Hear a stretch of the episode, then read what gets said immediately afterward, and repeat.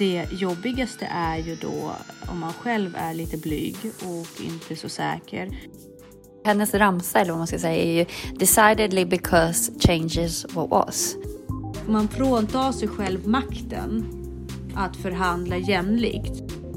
Alltså det är det som är argumentation, att verkligen använda folks ord och lyssna på vad de säger. Det är inte för att det är kul, det är inte för att det är det bästa jag vet, utan det är för att jag vill se mig själv som en tränande människa och därför blir jag en tränande människa.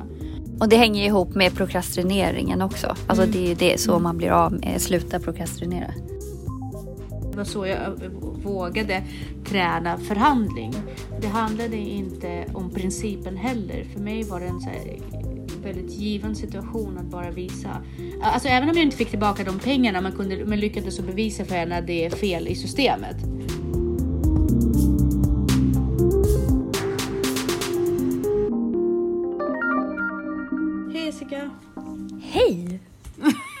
Hej! Hur är det? Det är bra. Hur är, din, eh, hur är ditt liv? Höll jag på att säga. Jo, men hur är Ja, det? men det är bra. Det är väldigt bra. Det är väldigt bra till och med. Berätta något specifikt som är väldigt bra. Det är kul att höra bra saker. Ja, nej men nej, det är bara bra. Alltså jag mår Mm. väldigt bra. Jag tror faktiskt inte att jag har mått så här ihållande bra eh, så här länge på typ 30 år.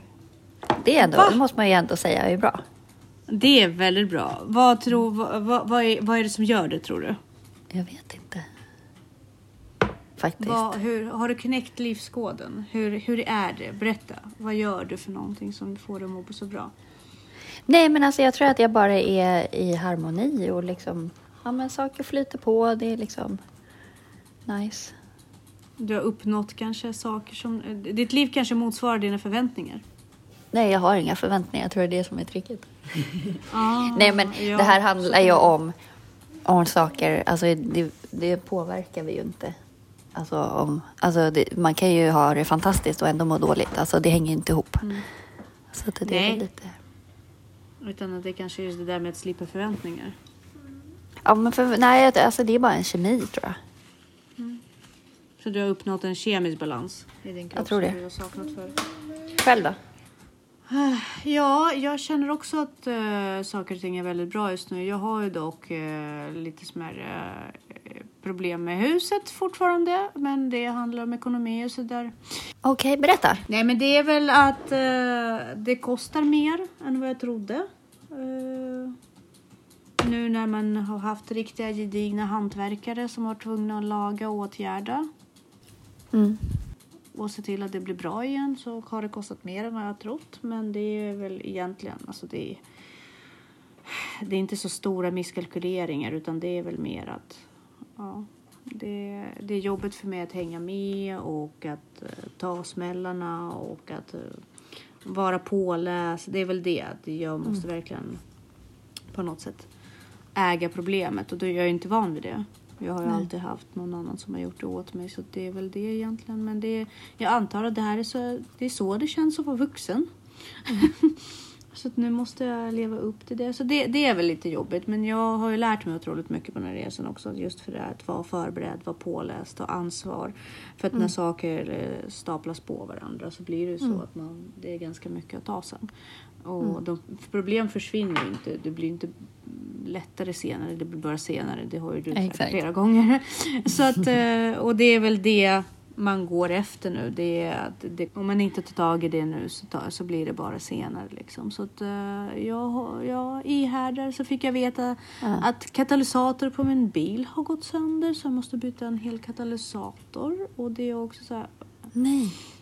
det är dyrt. Det, det kommer kosta runt dyrt. 8000 kronor. Vilket är också så här.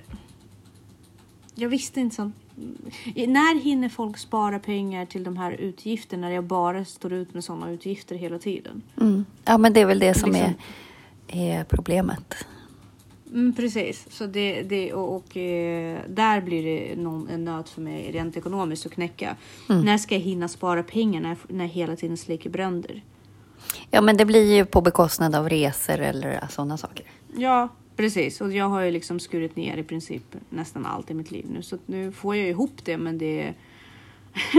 Men det blir ju knaper. Alltså jag menar, det är inte på samma sätt som det var förut. Att det här gick från den här kassan och det här gick från den här kassan. För nu är det bara en kassa. Och, den är, och det är nu egentligen jag kan förstå min net worth på något sätt. På ett helt annat sätt och anpassa mig efter det. Då förä- det förändrar sen ens, eh, ens förhåll, förhållningssätt till utgifter också. Och kläder och eh, allt annat. Och så så att, ja. Alltså just nu sitter jag med min ekonomi och bara försöker skära ner på alla fasta månadskostnader som jag har. Mm. Och, inte försöka, och försöka att vara så rörlig i min ekonomi som möjligt vad gäller att frigöra mig från alla fasta utgifter. Mm. Så vi får se vart det leder. Men, men jag håller med dig om att man mår bra nu. Alltså jag mår jätte, jättebra. Jag tror att på något sätt det har kommit en, en styrka med det här att kunna ta ansvar för allting. Så man är inte rädd hela tiden för man vet hur, att man själv får ta hand om det. Liksom. Mm. Förut kände jag mig ofta rädd för att jag kunde vara... Alltså, jag var ju någon annans händer hela tiden vad gällande, gällande beslut och situationer. Jag satt och väntade på domen. Nu får jag skapa den vägen själv vilket gör att eh, mycket av ångesten lättar också. Precis. Så, ja. För det är, ingen som, det är ingen som är arg på en för man har misskött sig. Lite så. Mm.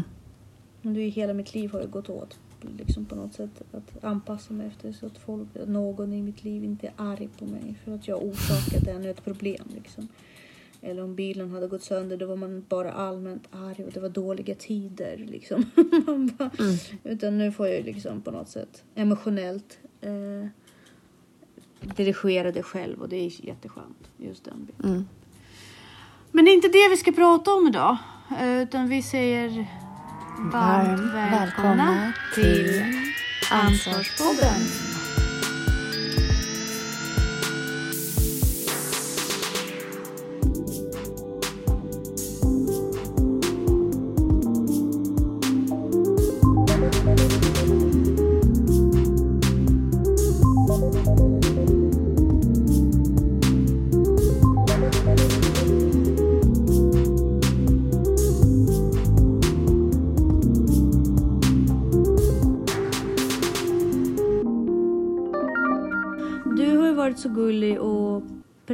Inför den här podden lite grann.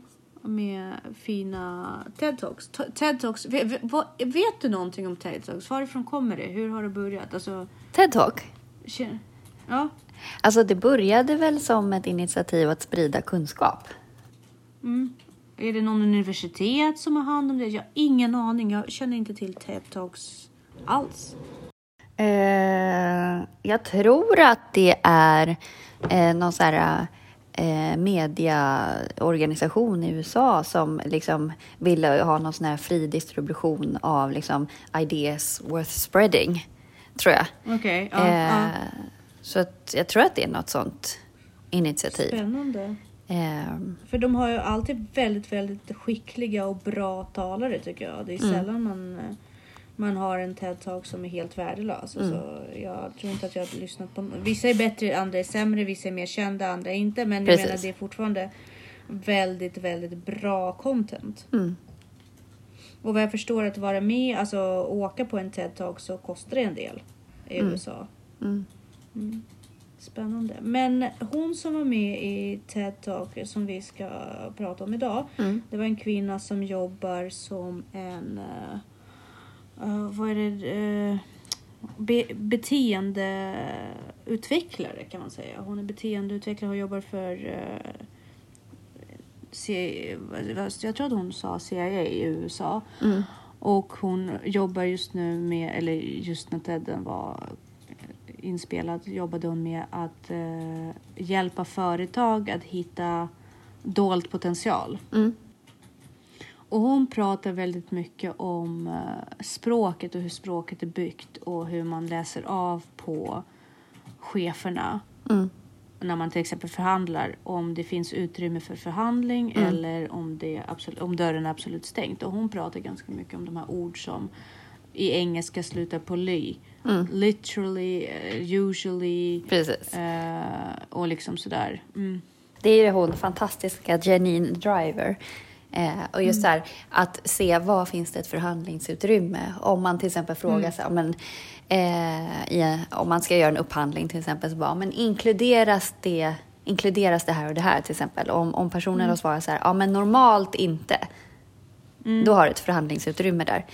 Eh, och hon gör en så himla rolig så här, hur konstigt det egentligen är att man svarar så. Så lägger hon Mm. in det i andra konversationer. Så här, fråga varandra så här, hur många barn har du till exempel? Ja, normalt precis. har jag fem barn.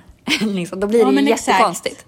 Eh, men att man Exakt. bara köper i en sån förhandling så köper man att det är ett, ett korrekt sätt att uttrycka sig. Men samtidigt så öppnar ju det upp för förhandling. Och det är väl det hon menar, att så fort de här orden finns Mm. eh, så öppnar ju det upp för förhandling. Och det är lite, eh, vad ska man säga, förtroende eller hoppfullt kanske. Eh, om man ska säga att det är liksom... Men, precis, och när, vi, när, när jag lyssnade på den TED-talken så tänkte jag så här, i teorin så är det jätte, jättebra och jag fattar vad hon menar och jag tror att eh, de flesta människor eh, håller väldigt mycket med med henne om det.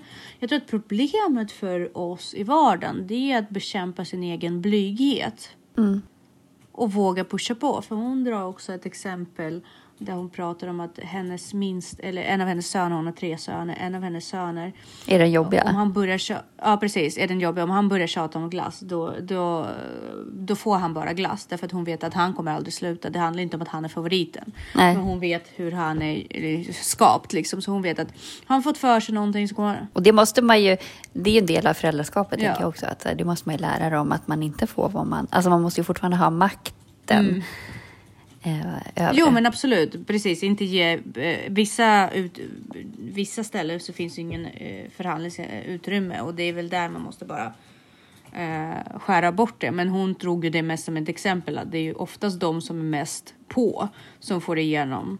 Men jag tror att problemet är ju också här, är det är inte hur folk glider in eh, och, i de här eh, små glipor av förhandling som finns. Det, jag tror att det jobbigaste är ju då om man själv är lite blyg och inte så säker.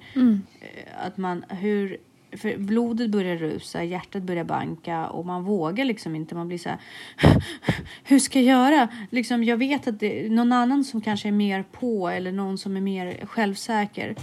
Det är väl där problemet egentligen uppstår. Det är inte att vi inte förstår att någon annan som är tuffare och bättre eller mer framgående självsäker skulle kunna göra det. Det är så här, men hur ska jag våga? Och det är där tror jag man ofta gör upp. För att man själv känner kanske att man inte förtjänar den eh, positionen. För att varför ska jag kunna få den men varför, varför, ska, ingen, varför ska just jag ta den? Jag kan väl inte vara så bra. Jag tror att det är väl snarare där problematiken gömmer sig. Eh, att, att försöka luska ut varför ger du dig själv inte den här chansen? Varför skulle någon annan vara bättre? Och jag tror att så fort du har knäckt det och du verkligen kan säga jag klarar av det, jag kan. Då kan man ta tag i de här utrymmen och möjligheter. Men det finns ju väldigt mycket i det, i det hon säger. Eh, Känner du att eh, du har stött på liknande situationer? Absolut. Nej, men, man har sagt det. ja, men jag har tänkt på det här och använt det några gånger. Men hon säger ju, hennes ramsa eller vad man ska säga är ju decidedly because changes what was. Eh, och också när man förklarar saker, because. Eh, för because kan du också argumentera emot. Eh, Men också, så, eh, vi har bestämt att. Då betyder det ju att man kan obestämma det, eller vad man ska säga. Alltså, Ja men precis. Eh, jag, jag har bestämt att. Men det behöver inte, hon tar ju också upp det, det behöver inte betyda att det blir så heller. Nej, det finns ju, hon precis. drar ju exemplet med nyårslöften. Hur många gånger har man så här, jag har bestämt att mitt nyårslöfte är, men man håller det ju inte ändå. Precis. Uh, och det blir ju det blir ju ett lingvistiskt mindset där hon på något sätt greppar tag i ord och gör dem lite mer till materiella. Hon drar ju hon, hon- vill fånga det här beslutet i själva materialiserandet. Ja. Och Mm, försöka precis. förklara det ja, liksom i sitt begynnelse. Bara, det här behöver inte betyda någonting. Nej. Lite som det vi pratade för många poddar sen om när blir, n- hur bestämmer ens mindset när man ska vinna någonting. Precis. Och inte lägga ner liksom den här stunden när verkligheten skapas. Eh, och som hon knyter an till språket. Precis. Och det är extremt spännande för hon pratar om det här med att hon hade svårt att bli med barn. Och eh, hon skulle gå igenom en hormonbehandling som innebar att hon var tvungen att eh, eh, ta sprutor två gånger om dagen eh, i typ nästan ett halvt år. Eh, samma tid. Liksom. Hon sa att när hon fick höra det att läkaren har bestämt sig för den här behandlingen passar dig bäst så förstod hon då att hela hennes liv, alltså det skulle aldrig ske därför att eh, hon, med hennes jobb där hon reser och föreläser i olika tidszoner, det fanns inte möjligheten. Men när hon, när hon hörde det här, doktorn bestämde sig att, Mm. då tog hon tag i det och bara, finns det andra alternativ? För mig Mm. funkar inte det. Hur kan vi lösa det på ett annat sätt? För att eftersom doktorn bestämde sig för någonting, då fanns det också saker som doktorn inte bestämde sig för. För. Precis, och då sa de också att det finns ett annat alternativ med tabletter, men normally Mm. så ger man inte det till folk över 35. Och då var hon ju så här, eh, håller inte du med om att jag är inte Mm. ett typiskt case? Liksom. Så att, och då blev det att hon fick de tabletterna. Mm. Men jag tänker att det är ju det här som är demagogik eller retorik Mm. liksom, i förhandling och att, att du faktiskt eh, vad säger man, liksom call on, att man liksom så här tar folk på orden. Att man verkligen så här, det här är det du säger, därför. Alltså det är det som är argumentation, att verkligen använda Precis. folks ord och lyssna på vad de säger. Och där gör hon ju en fantastisk grej, liksom, att hon, att hon tyd, bryter ner det och tydliggör hur den här retoriken fungerar. Och det är väl det som är hoppfullt. Exakt, och att uh, börja du fatta det här eh, förhållningssättet, verklighet kring, eh, liksom, kontra ord och hur idéer skapas överhuvudtaget och när de befäster sig och blir materiella.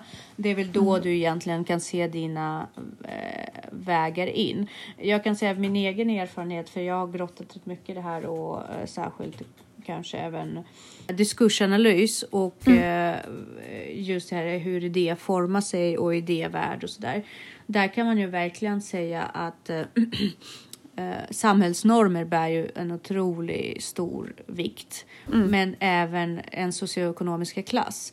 Därför att en människa som, och jag tror att det kanske behöver inkluderas i den föreläsningen också därför att oftast så är det inte cheferna som sätter eh, käppar i hjulen för ens egen utveckling. Ofta så är det en själv därför att man har blivit uppväxt med vissa kodex och koder som man själv för, förverkligar och i sitt huvud bygger upp en verklighet där min plats i samhället är där. Och att man själv snarare sätter sig själv där än att låta andra göra det. Sen, sen väljer man att tolka andras budskap på ett sätt som fortfarande behåller en, eh, så att man behåller sin bekväma position där man är och fortsätter klaga och missnöja sig över att men det är normerna och i, folk är rasister eller folk är kvinnohatare.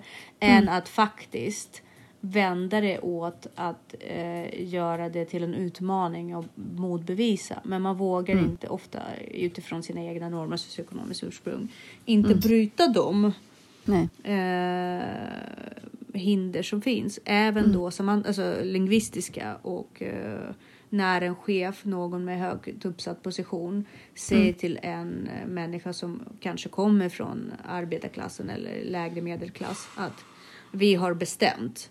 Då blir det en sån auktoritetsposition där man på något sätt till och med kanske i grunden känner sig, alltså man känner liksom på något sätt att människovärdet är olika än som är en chef och är che- sig själv. Så man, på, man fråntar sig själv makten att förhandla jämlikt.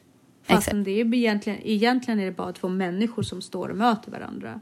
Men det är så mycket som kommer med vårt samhälle och det normativa eh, liksom, kring oss själva som förhindrar oss själva. Så det är egentligen inte cheferna som gör jobbet, det är man själv som gör jobbet. Ja. Därför att man sätter sig själv på en plats i en nisch eh, i sitt eget huvud egentligen. Och det, det är nog där man måste ta fighten, att sluta känna igen sig i definitionen av där man inte vill vara. Mm. Och det har ju du, du har ju pratat väldigt mycket om det här att jag, se, jag börjar med att se mig själv som en tränandes människa. Det är, inte så, det är därför jag tränar.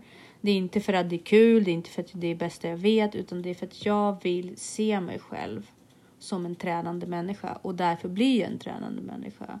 Och det hänger ihop se med prokrastineringen också. Alltså det är ju det så man blir av med, sluta prokrastinera. Precis. Och, och eh, där kan man ju faktiskt binda in eh, ett annat sätt som du också skickade. Där man pratade om det här med, vi tog upp det vid något tillfälle men nu kollar vi på det igen. Det här med fem sekunders regeln. När, Ja. när, när hjärnan vill eh, göra någonting nytt men förhindras av eh, bekvämlighet, alltså ens egna bekväma position och ens mönster, hur man, vanemönster, hur man brukar göra. Så här. Men jag vill bli en äh, trädande människa, men du är inte det. Du är en som sitter i soffan och äter liksom. Och det är därför, eh, det är därför det är också så nyttigt i enlighet med de här två talare då.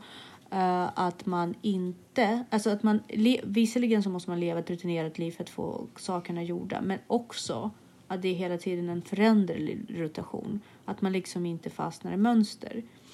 Eh, och det är så intressant för alla de alltid när vi pratar om självutveckling och eh, hur man söker sig till nya chanser och eh, liksom allt som har att göra med att fostra sig själv till det man vill bli. Så går vi tillbaka till det här att allting som är vanebildande ska vara någonting som du ser dig själv besitta i framtiden. Precis. Eh, allt som inte är vanebildande eh, det är sådana saker som du ska försöka, alltså du, du ska inte bilda vanor kring saker som du inte vill vara. Nej men Eh, precis. Därför att hjärnan sållar ju bort. Eh, hjärnan slutar utvecklas i den riktningen. Mm. Om du slutar eh, på något sätt aktivera den på det sättet. Som du, om du slutar röka och inte och inte går ut och röker helt enkelt så kommer hjärnan vid någon tillfälle stoppa dig. Mm. Och det kommer inte liksom, suget kommer försvinna. På samma sätt om du är van vid att träna så kommer hjärnan fortsätta att träna. Men om du slutar träna så kommer, och inte gör någonting som är rörelsemässigt så kommer du för ett, vid något tillfälle tycka att det är jobbigt att hänga upp och ner liksom. Eller dansa eller stå på ett ben. För att det här är saker som kapas. För att hjärnan går på energisparläge.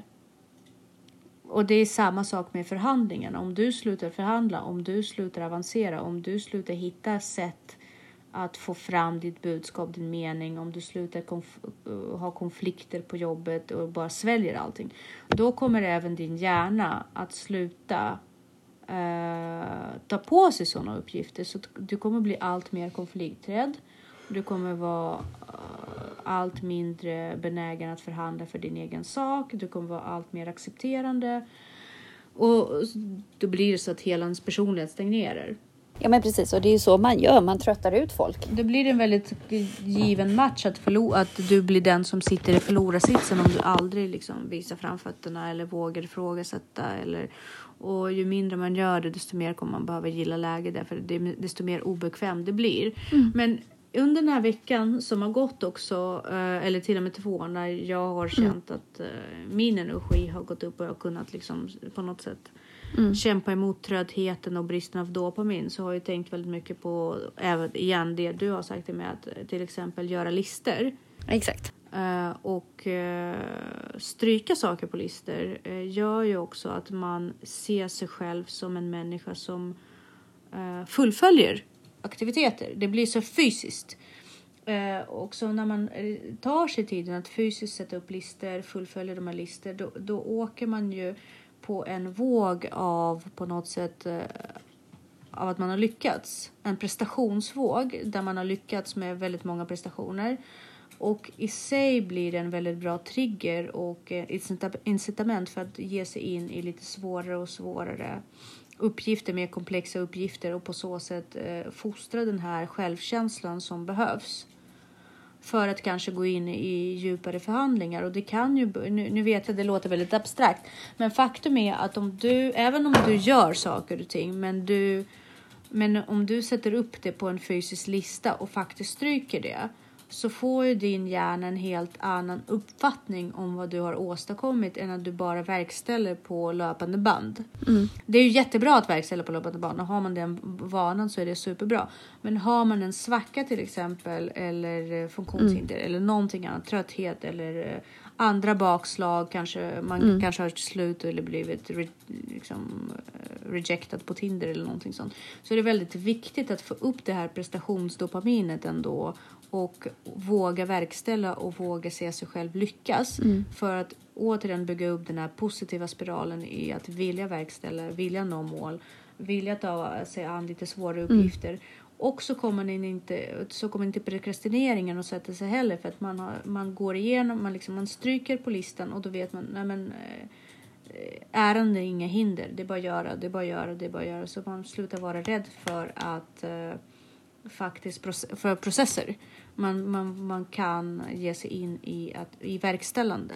För att verkställande paniken kan ju också, alltså inte vilja ringa ett samtal. Jag hatar att ringa samtal. Jag hatar att ringa samtal till olika eh, instanser och läkare och boka tid. Men jag har vänt på Mm, det. jag Jag, har med. gjort det som så här, om jag gör mina jobbiga samtal redan på morgonen, då har det kickat igång mig så bra. Mm. Och det, är liksom, det har varit som en eh, incitament för, eh, det- eller eh, det bara satt igång Mm. hela min eh, förbränningsmotor vad gäller att, att sätta igång med saker och ting och bara vilja ta tag och jag blir bara mer peppad. Och på samma sätt tror jag att när man går in i förhandlingssituationer så gäller det att ha den vanan. Så att, eh, jag tror att det här med att se möjligheter, det måste man nästan börja öva upp i vardagen om man vill lyckas på högre plan. Och det, det behöver inte handla om så här jättestora grejer men till exempel så var jag och handlade ett par cykelbyxor för inte så länge sedan. Och så stod det på nätet att de kostade 50 kronor och sen så inne i butiken så kostade de 80 och det var ganska lång kö och det var folk bakom mig och det var slutet av dagen. Och det var så här, jag kan betala 80 för de cykelbyxor. Det är inte det som är problemet. Men jag såg att de kostade 50 på nätet. För mig var det väldigt viktigt, för det var en förhandlingsfråga. Det var så jag vågade träna förhandling. Det handlade inte om principen heller. Nej. För mig var det en så här väldigt given situation att bara visa. Mm. Alltså även om jag inte fick tillbaka de pengarna men, kunde, men lyckades så bevisa för henne att det är fel i systemet. Så hade det varit payoff nog för mig. Därför att jag, jag, eh, jag övade en väldigt viktig eh, egenskap där. Det är just det här. Men Mm. med trycket på att folk tycker är där bak, de misstycker, de tycker inte att det här är okej. Jag får liksom ögonen emot mig. Men hela den situationen som ska vara stressfylld och få mig ur fokus för att nå mitt mål gjorde att jag faktiskt lyckades. Och jag, eh, och jag tror att det är där man måste börja även om man ska se de här möjligheterna på större plan. Eh, att våga, s- och även om man får det i, liksom, mot sig några gånger, bara, nej men det var en annan modell, ser du på artikelnumret här, det, var, det spelar ingen roll. Därför att du vågade ta din förhandling till det yttersta och vågade träna på en egenskap som gjorde att du har en färdighet som faktiskt vid något tillfälle kan slå väldigt rätt för dig. Så att eh, hon lindade in det fantastiskt och väldigt enkelt. Men jag tror att om man verkligen vill få det att funka för sig. Alltså börja med de små sakerna. Börja med att om en, en kollega lämnar kaffekoppen. Eh, inte kanske tjafsa om det, men våga ta det. Våga ta den grejen. Våga liksom säga ifrån. eh, på något sätt. Men det behöver inte vara på ett otrevligt sätt. Liksom, eller någonting sånt. Men ändå markera och bara följa upp reglerna. Om det är någonting som betyder mycket för dig. Därför att du har möjlighet att på något sätt vända och förändra verkligheten genom att hur du leder in folk till att förhålla sig om vissa normer också. Eh, så jag tror att det, det hon tog på sina 15 minuter på en TED-talk har egentligen en mycket djupare och mer filosofisk Mm. eh, grund som går att diskutera väldigt, väldigt mycket längre. Och jag tycker det är fascinerande ämne just där. Mm. Vart blir verkligheten materiell? Mm. Eller idévärlden materiell liksom. Just i utförandet av vissa saker. Så Värd att se Tedden, värd att damma av sin Foucault. Värd att faktiskt ifrågasätta hur man själv kan bli mer stringent i sitt sätt att eh, få det man vill. Precis. Givetvis inte att gå på lik, det var inte det, utan Nej, just nej, för sin nej. egen skull, förhandlingsmässigt liksom. Ja. Hur, hur, eh, hur pricksäker man kan vara i sin argumentation och över, eh, övertalningsförmåga. Mm. Ja, men det är som har sagt tidigare, all form av manipulation måste ju ske med ansvar. Men jag tänker, du sa någonting Precis. spännande där. Du nämnde Foucault. Mm. Det var länge sedan. Vi borde damma av honom också. Ja men precis, det var det jag sa. Vi borde damma av uh, Foucault. Mm, Och eh, på något sätt kanske ge oss in i en djupare diskussion om just hur, hur, hur eh, ja men kanske en djupdykning i hur eh, idévärlden blir materiell och vad det är som avgör. Mm. Och vad som förhållningssätt kring att skapa sin egen verklighet kan vara utifrån eh, denna postmoderna uh, filosof. För jag tycker att Foucault är väldigt spännande. Mm, verkligen. Jag, jag har alltid tyckt det. Men eh, det kanske vi kan göra. Mm. Eh, när vi båda har semester och känner för mer filosofiska ämnen. Ja, perfekt. Ha det bra. Detsamma. Kram. Kram. Hej.